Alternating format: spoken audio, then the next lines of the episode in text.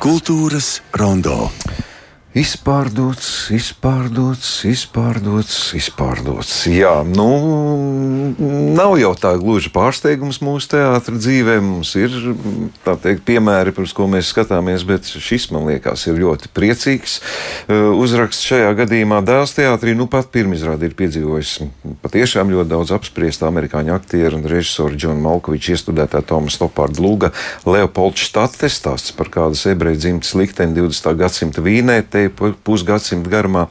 Un ne tikai par to, protams, pirmizrādi ir redzējis mūsu kolēģi Māra Rozenberga. Labdien, Māra! Sveiki!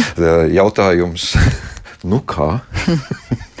Pirmizrādi notika piekdienas vakarā. Es atgriezos mājās eh, krietni pēc pusnakts, un te nu es esmu pirmdienas rītā ar jau apkopotiem iespaidiem, un eh, patiesi ir grūti nu, pateikt vienā vārdā, nu kā. Bet, Mārta, tomēr parasti ir tā, ka eh, izējot no teātra, tu tramvai pieturā jau esi aizmirsis, ka tu biji uz teātri. Es saprotu, es ka tev līdz pirmdienas man rītam... nebija tramvai pieturas problēmas, bet es varēju visu ceļu vēl domāt, turpināt mītīties. Nosēdums ir. Bet, nu, nosēdums neizbēgam ir, nu kā jau no daudzām teātris izrādēm, un es neteiktu, ka tāpēc vien, ka Džons Malkovičs ir iestudējis šo izrādi, te uzreiz ir, eh, nu, pilnīgi cita līmeņa izrāde. Mums ir ļoti, ļoti daudz labu izrāžu, un es patiešām priecājos, ka Daudzām izrādēm ir uzraksts izpārdots, un tas nav tikai tāpēc, ka mums gribas iet uz Džonu Malkoviču kā, kā uz vārdu, bet neapšaubāmi šis konkrētais notikums droši vien ir ārpus ierastā tieši tāpēc, ka šis galvenais mag magnēts ir amerikāņu aktieris un režisors Džons Malkovičs, jo ta, tas arī ir saprotami, jo tāda starptautiska līmeņa un pieprasītības uh, zvaigznes uh, Latvijā tik bieži neiestudē. Un es droši vien, ka nekļūdīšos sakot, ka vienai daļai arī pirmsrādes skatītāju lielākā interese bija tieši redzēt Malkoviču, un varbūt tā bija pat kaut kādā ziņā tāda statusa lieta.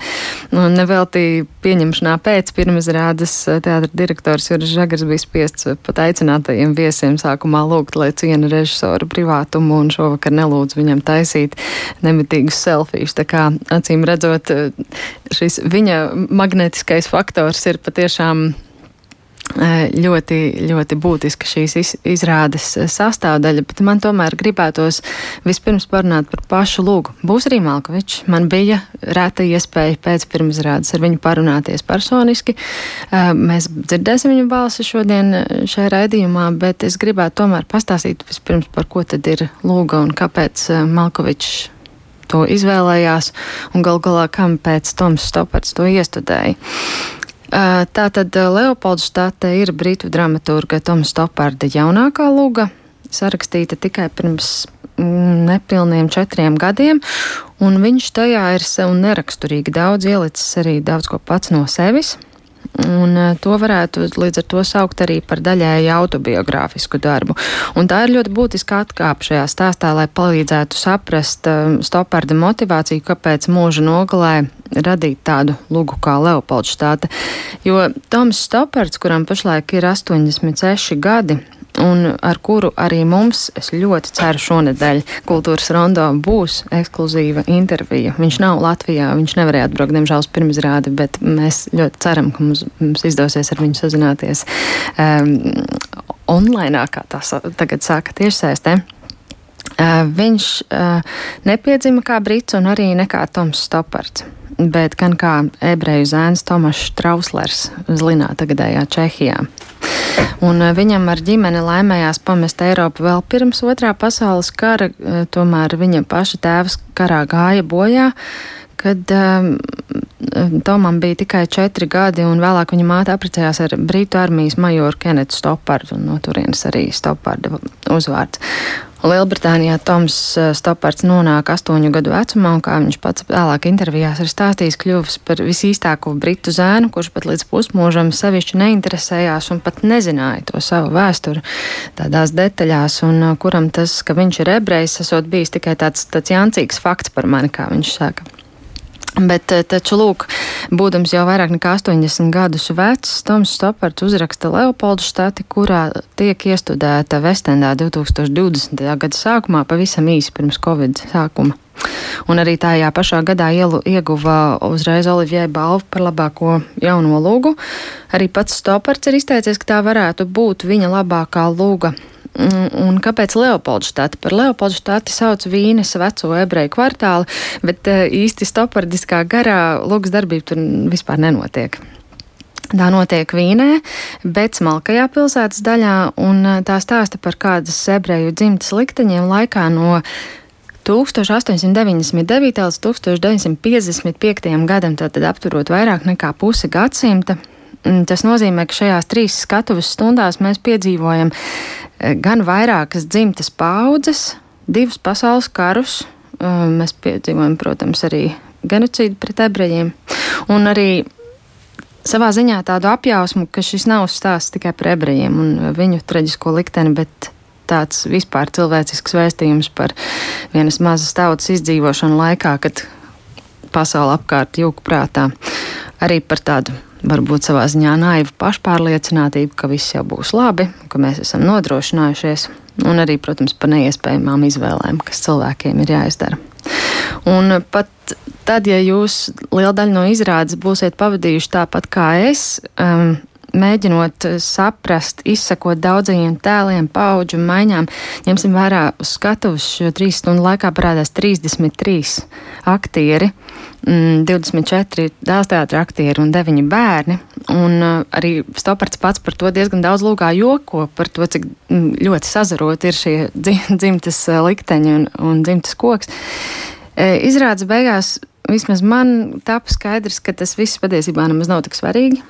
Un um, ir daudz lielākas un arī daudziem no mums personiskas tēmas, ar ko sabalsojuši šis Vīnes ebreju ģimenes stāsts, un par tām tās ir arī tās, par kurām gribas domāt pēc izrādes.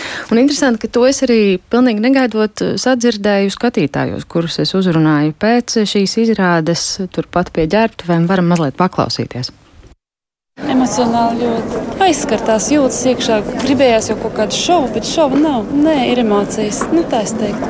Nu, es nezinu, īsi arī laikam emocionāli šobrīd. Nu, pēdējā laikā vislabākā izrāde, ko es esmu redzējis. Tiešām liels prieks, ka kaut ko tādu varēja piedzīvot. -hmm. Kas bija, kas radīja to, to sajūtu, ka šī ir tiešām labi izrāde? Eh, Pirmkārt, emocijas, sevišķi, kas uzmantoja beigās, teiksim, par to stāstu, kas, kas, kas ir bijis teiksim, 20. gadsimta sākumā kā viņš beidzās ar Otro pasaules karu. Tas bija vienkārši šausmīgi. Bet tas labi tika pasniegts. Man patīk, ka gan režija, gan stāsts kā tāds apvienots. Tāda episka lieta grūti pasniegt tādā īsā brīdī, vai ne?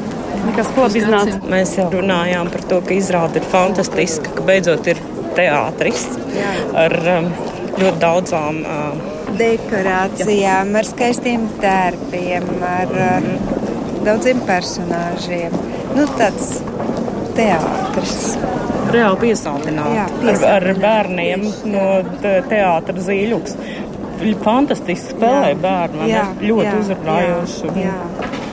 Jā, jā. Ģimenes sāga vienkārši fantastiski cauri gadiem, cauri laikiem. Vēstures. Es domāju, Malkovičam ir izdevies uh, ļoti skaists darbs. Mm. Impressed, very impressed. And we knew it from Austria, plot in the play. You, was, you were from Austria yourself? Yeah, yes. Okay. Director did a very good work, and the actors and actresses are great here in Riga. Jā, šī pēdējā runātāja. Starptautiska publika. Jā, daudz valodu varēja dzirdēt, un tas arī saprotami, jo starptautiska komanda iestudē šo izrādi, un šī konkrētā sieviete, kur es, es nezināju, uzrunājot, viņas vārds ir Eva, viņa izrādījās uh, kostīmu mākslinieces, austriešu kostīmu mākslinieces, um, kura bija šai lugai radīja kostīmus, uh, draudzene, un viņa bija redzējusi arī šo lugas iestudējumu Vīnē, arī tur tā jau ir izrādīta, un uh, viņa teica, ka viņas prāt ļoti, ļoti ļoti labs ir gan iestudējums, gan arī aktieri, kas ir spēlējuši. Un tas šī tēma atkārtosies vairāk kārt arī, arī citās, arī Džona Malkoviča, starp citu, teiktajā. Bet jā, tātad 24 dēls teātra aktieri, un interesanti, ka daļa no viņiem uz skatuves vispār nekad nesatiekas, tāpēc, ka viņi spēlē dažādās izrādes desmitgadēs. Tātad mēs redzam vienus un tos pašus personāžus, bet citu aktieru iemiesojumā. Un, eh, piemēram, tie trīs aktieri, kurus jūs redzat eh, izrādes plakātā, tad, ja jūs skatāties Leopoldu štatu, tur ir trīs aktieri.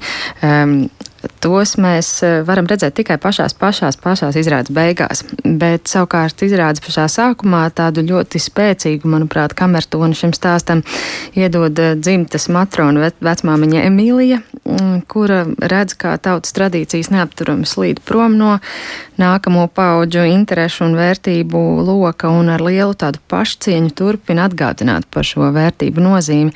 Un tāpēc es pēc izrādes ar lielu interesi uzrunāju Emīlijas lomas atveidotāju aktrisi Lidiju Pupuri. Kad katru darbu, ko mēs iestudējam, ir jau jāvelk arī iekšēji tās paralēlas pašiem ar sevi. Un tas ir tas būtiskākais, manuprāt. Ja skatītājs, kurš nāks uz šo izrādi, un uh, skatīsies tikai par kādu citu tautu un nesaskatīs arī asociācijas un līdzības un mūsu likteņa gaitas šajā izrādē, tad viņam varētu likties, kāpēc šī izrāde vispār ir paņemta. Bet līdzības taču ir tik daudz. Un šodien arī viņas ir ne tikai atskatoties mūsu vēsturē. Manuprāt, ka šodien viņas pat ir vēl vairāk, jo šajos 30 gados, jāteic, mūsu tauta ir devusies pasaulē uz visām pusēm. Kādi būs viņu likteņi, cik viņi atcerēsies, kas viņi ir, vai arī viņi satiksies tāpat kā šīs lūgas finālā trīs cilvēki satiekas un sāk ar pārmetumiem, ar neizpratni. Daudz par ko domāt, vai ne? Ļoti daudz. Manuprāt, ļoti daudz, ja grib domāt.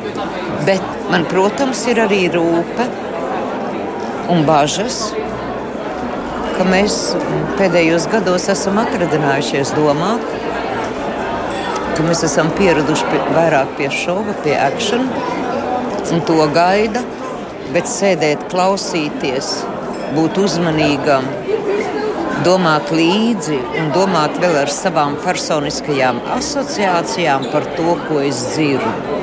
Man liekas, ka šī prasme ir stipri pazaudēta. Lai gan spriežot pēc tā, ko teica iepriekšējie skatītāji, izklausās, ka ne visiem tā prasme ir pazaudēta, un tieši daudzi kaut ko tādu meklē, jo ir noguruši no tā šova. Piedod, es iestarpinos, es vienkārši klausoties kuluāros sarunas teātrī, tad eh, daži labi dēls teātra aktieri teica, ka viņi nekad mūžā nav gaidījuši tik ļoti savas lomas apstiprināšanu un ar asarām acīs ir sagaidījuši to, ka jā, es esmu apstiprināts hm. strādāt kopā ar Malkoviču. Tā Malkoviča vārds tomēr ir, nu, nu spēlē ļoti lielu lomu, ne tikai kā profesionāļi, bet nu, kā tāda vispār, vai ne? Nu, nav liedzami, jā, bet nekad jau nevar zināt. Tu varbūt zini to, to vārdu, bet kāds viņš ir kā cilvēks, kāds viņš ir kā, kā priekšnieks tevi režisējot, tas ir, tas ir mēdz gadīties pavisam citādi. Nu, kā tad ir bijis šajā reizē? Tu zini to? Nu, es pajautāju arī Lidijai Pupurai, kā viņai patīk strādāt ar Džonu Malkviču, jo arī vairāki citi aktieri ir citās intervijās ir izteikušies, ka viņš ir strādājis. Man ļoti patīk šis salīdzinājums, šķiet Arturs Krasniņš to minēja, kā diriģents, ka viņš nesaprotot saprotot valodu. Nu, viņam ir uh, lūgas oriģināls angliski, viņš pazīst tās frāzes pēc secības, kura, kura pēc kuras, un viņš jau to lūgu zina gandrīz no galvas, bet uh, viņš klausoties uz ausi. Nu, un tad mēģina, uh, it sevišķi tur ir vairākas tādas ainas, kurās tā lielā ģimene šķietam runāt kā viens cauri otram, un tad tikai brīžam tāda viena frāze iznāk vairāk ārā cita, un mums pat nav domāts, laikam, dzirdēt pilnīgi visu, bet tur var redzēt, ka tāds diezgan smalki niansēts režijas darbs bijis izceļot, nu, piemēram, to, to skaļumu vai to niansētību konkrētai frāzē. Un arī, Lili, eh, arī Lidija Pupura teica, ka mm, viņš ir bijis eh, ļoti, ļoti smalkjūtīgs kā režisors, un to varētu just ir um, caur to, ka viņš arī pats ir aktieris un ļoti labi zina, kā ir būt otrā pusē. Nu, Pirmkārt, viņš ir aktieris. Šis darbs, viņš nespīd, kā jau jūs paši redzējāt ar kaut kādu īpašu nu, režiju šajā darbā. Šis darbs to neprasa. Šis darbs prasa aktieri izdzīvot, iejusties, diskutēt, sāpēt, strīdēties, aizstāvēt. Ja? Tas ir aktieru darbs, un viņš to saprot, jo viņš pats ir aktieris. Un tāpēc, teiksim, tos komentārus vai pavirzīt tur vai, vai kā. Tie bija zināmā mērā, es teikšu, minimāli, jo šis darbs nu, tādā veidā ir vadāms. Ja? Te jau viņš nespīd ar kaut kādu speciālu režīmu. Mm. tas nav tas darbs. Un pie kam arī būdams pats aktieris, viņš bija ļoti smalkjūtīgs. Viņš uzticas aktierim, jo tas ir arī, nu, varētu tā teikt, tas ir aktieru mājas darbs, daudz kas no tā, kas tiek prasīts šajā izrādē. Nu, katrā ziņā man jāteic, ka man tas tikai, man tas tikai patīk. tā mēs esam pieraduši, un tā mēs, mana paudze, tā ir mācība no sākta gala. Ir ko padomāt despotiski orientētajiem režisoriem, kā jāstrādā. Bet Jā, es vēl gribētu pieminēt par Lidijas Pupuras paudzi runājot. Um, Mūsu saruna ar viņu, uh, viņa ir aktieris, kuram jau ir pāri 80, un to viņas absolūto pārpilnību ar enerģiju, to gatavību veltīt otram savu laiku, savu, savu domu, bija nu, tiešām ārkārtīgi patīkami arī ar viņu runāt. Un es gribētu pieminēt, ka šī saruna notiek, jūs dzirdat fonu, tā ir pieņemšana pēc pirmizrādes, un vispār par, par visu to aktieru komandas lielo un radošās komandas lielo izturību, jo pati izrāda ilgst, ilgst mazliet vairāk kā trīs stundas, beidzas pēc desmit desmitiem vakarā. Šis bija jau trešais vakars pēc kārtas, kad viņi spēlēja ar publiku, jo pirms pirmizrādes bija arī divi publiski ģenerāli mēģinājumi. Viņiem pēc izrādes vēl ir jāpārģērbjas, ir jāatgrimējas, un tad ir 11. vakarā vai vēl vēlāk jābūt formālai teiktu runas, lai pozētu fotogrāfiem, lai sarunātos ar žurnālistiem. Un, uh, Tieši tādos apstākļos notika arī mana saruna ar eh, režisoru Džonu Malkoviču, kurš eh, droši vien, ka to, tie, kas seko līdzi, nebūs pa, palaiduši garām, ka viņš vēl pārciet arī steidzamā acis operāciju pa vidu šim iestudēšanas procesam, un tikai tagad uz pirmizrādi viņam eh, viņš bija ļauts jau noņemt jau acis apsēju, jā. Un arī šajā vakarā, tāpat kā, nu, par viņu, protams, liela mediju interesi, gribēja intervēt ne tikai Latvijas, no televīzija no Latvijas, bet pat no Polijas bija televīzija atbraukt blakus. Arī nemitīgi kāds no bērnu aktieriem lūdza viņam autogrāfu izrādes programmiņā. Un, un, jā, oficiālajā pieņemšanas uzrunā viņš Malkovičs vēlreiz atkārtoja to, ko viņš jau ir iepriekš teicis, laikam preses konferencē, ka viņam ir tiešām ārkārtīgi paticis strādāt ar dēls teātra aktieriem un ka ar šo trupu viņš varētu arī turpmāk nākotnē strādāt jebkurā laikā, kā viņš sacīja. Un, un līdzīgi arī viņš izteicās mūsu nelielajā sarunā, tad, kad es jautāju, kas tad būs tās atmiņas, kas viņam paliks no šīs konkrētās režīmas šīs pieredzes. I love the experience. I very much enjoyed working with this group of actors on this play at this time. In this summer, it was a lovely experience. I like the play very much. I like what they do. So I imagine that will stick with me. But, you know, who knows? I've directed a lot of plays. I work constantly. Um, always doing something, so you never know what stays and what goes. No, it's uh, always challenging, intriguing. It's a puzzle, um, but I don't really find it exhausting. Jā, Malkovičs nesot noguris, viņam tā esot vienmēr šī režijas iestudēšanas pieredze ir, ir kā puzle, vienmēr izaicinoša un intriģējoša, bet, bet nē, nogurs viņš nesot, un tiešām šī aktieru darba pieredze patikusi, bet tāpat kā pati lūga, bet uh, nekad nevarot zināt, kas ir tas, kas pielips un, un beigu beigās paliks ar tevi kopā, jo viņš iestudē tik daudz, ka vienmēr tas ir kaut kas mazliet cits. Un eh, man tiešām gribas ticēt, ka viņš arī tā domā, jo savās līdzšinējās intervijās un arī mūsu šajā sarunā viņš atsvēja iespēju kā cilvēks, kurš nerunā tādus tukšus glaimus un vispār sevi neliek priekšplānā, bet daudz labāk jūtas arī darbā kā, kā aktieris un režisors. Es atgādināšu, ka šī nebija gluži pirmā Malkoviča satikšanās ar Dēls teātri, jo pagājušo gadu viņš uz Dēlas skatuves eh, spēlēja pats kā aktieris izrādēja kokvi Jēkabpils lauku vientulībā. Un tas arī bija tas brīdis, kad teātra direktors Juris Žagars viņu uzrunāja iestudēt kaut ko uz šīs skatuves pašam. Esot apspriesti vairāki varianti, bet eh, tieši par Leopoldu štati tad abi esot iedugušies visvairāk. Un vēlāk pēc pirmizrādes Juris Žagars man arī sarunā atzina, ka viņi sākumā nav bijuši līdz galam pārliecināti, vai šī Leopoldu štātas tēma uzrunās cilvēkus. Un Vai skatītājs spēs to ieraudzīt nevis kā atsvešinātu stāstu par vīnas ebrejiem un viņu skaudro likteni, bet, nu, bet jau arī trešo vakaru viņš kā teātra direktors redzot, ka ir, nu, ir tās paralēlas, kas rezonē arī latviešu sabiedrībā, un tas liecinot, ka ir laba un gudra publika, tā Juris Žagars slavēja skatītājs. Varam arī paklausīties viņa teikto.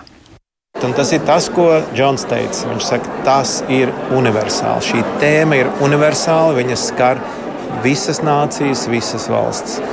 Un tas patiešām ir liels prieks, ka tas rezonē. Tas vēlreiz liecina tikai par to, cik mums ir laba, gudra publika cik mēs esam teātrāli izglītoti. Un, protams, arī prieks, ka atgriežas tāds īsts, klasisks, vienkāršs teātris, kā Pauls Rauceps šodien teica, tas jau ir šodien avangards.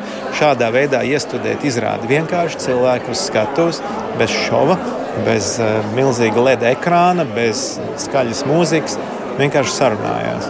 Nu, un, protams, brīnišķīga pieredze sadarbībā ar Džonu Malkoviču. Tiešām. Bet, es drīkstu jautāt, es domāju, ka es neesmu vienīgā, kuriem šis jautājums kaut kur tomēr klusiņām ir. Kādās teātris kaut ko tādu var atļauties? Ziniet, tas nav nekas tāds, ko normāls teātris ar labiem pārdošanas rezultātiem nevar atļauties. Rotko mums izmaksāja vairāk, un Rotko jau tagad sevi ir atpelnījis. Tā kā labs teātris sevi vienmēr atpelna. Tālāk, Juris Žagars. Un Pavisam noslēgumā par Leopoldu stati mēs daudz pieskārāmies režijai un aktieriem, bet es tomēr gribētu vēl arī pieminēt to monumentālo un, manuprāt, izcilo darbu, ko šīs lugas tulkošanā latviešu valodā ir izdarījusi dramaturģija un tulkotāja Laila Burāne. E, viņa ir arī mūsu kolēģi LSM kultūras nodaļā. Viņas iepriekšējais darbs tēlē bija tulkojot pusnakts šovu ar jūdu izkarjot, un man bija tiešām ārkārtīgi interesanti vērot un domāt ne tikai kā latviešu valodā ir pārnestas dažādas specifiskas ebreju kultūras, kultūras un valodas nianses, bet arī, piemēram, tādas lietas, ko angļu valodā nevar uzrakstīt tā, kā var uzrakstīt latviski. Piemēram, angliski you ir vienkārši you, vai tas ir tu, vai jūs, un tas ir tulkotāja uzdevums, ja dramaturgs nav to speciāli norādījis, izdomāt, kurā brīdī ir spēle ar tu un kad ir jūs. Un šeit, ja jūs iesiet kādreiz izrādi, ir ārkārtīgi interesanta viena vieta, kur var redzēt, kā dramaturgs ir pielicis pats vēl savu klāt, lai pastiprinātu un paspilgtinātu kādu epizodi tieši ļoti atbilstoši un veiksmīgi šo tu un jūs izmantojot. Bet uh, es saprotu, ka tagad mums beidzot laiks mūzikai, un ne šādai tādai, bet māleram. Un māleram arī ir liela nozīme Leopolds Štatē. Jā, es saku paldies Mārai Rozenbergai, arī kā potenciālais šīs izrādes apmeklētājs es esmu bezgala ientriģēts un novēlu ikvienam piedzīvot šo brīdi, kad apmeklēsiet šo teātrī izrādījumu. Šo kultūras rondo sagatavoja producents Santa Lauga, mūziku izvēlējās Girds Bišs, pieskaņpults Katrīna Bramberga. thank you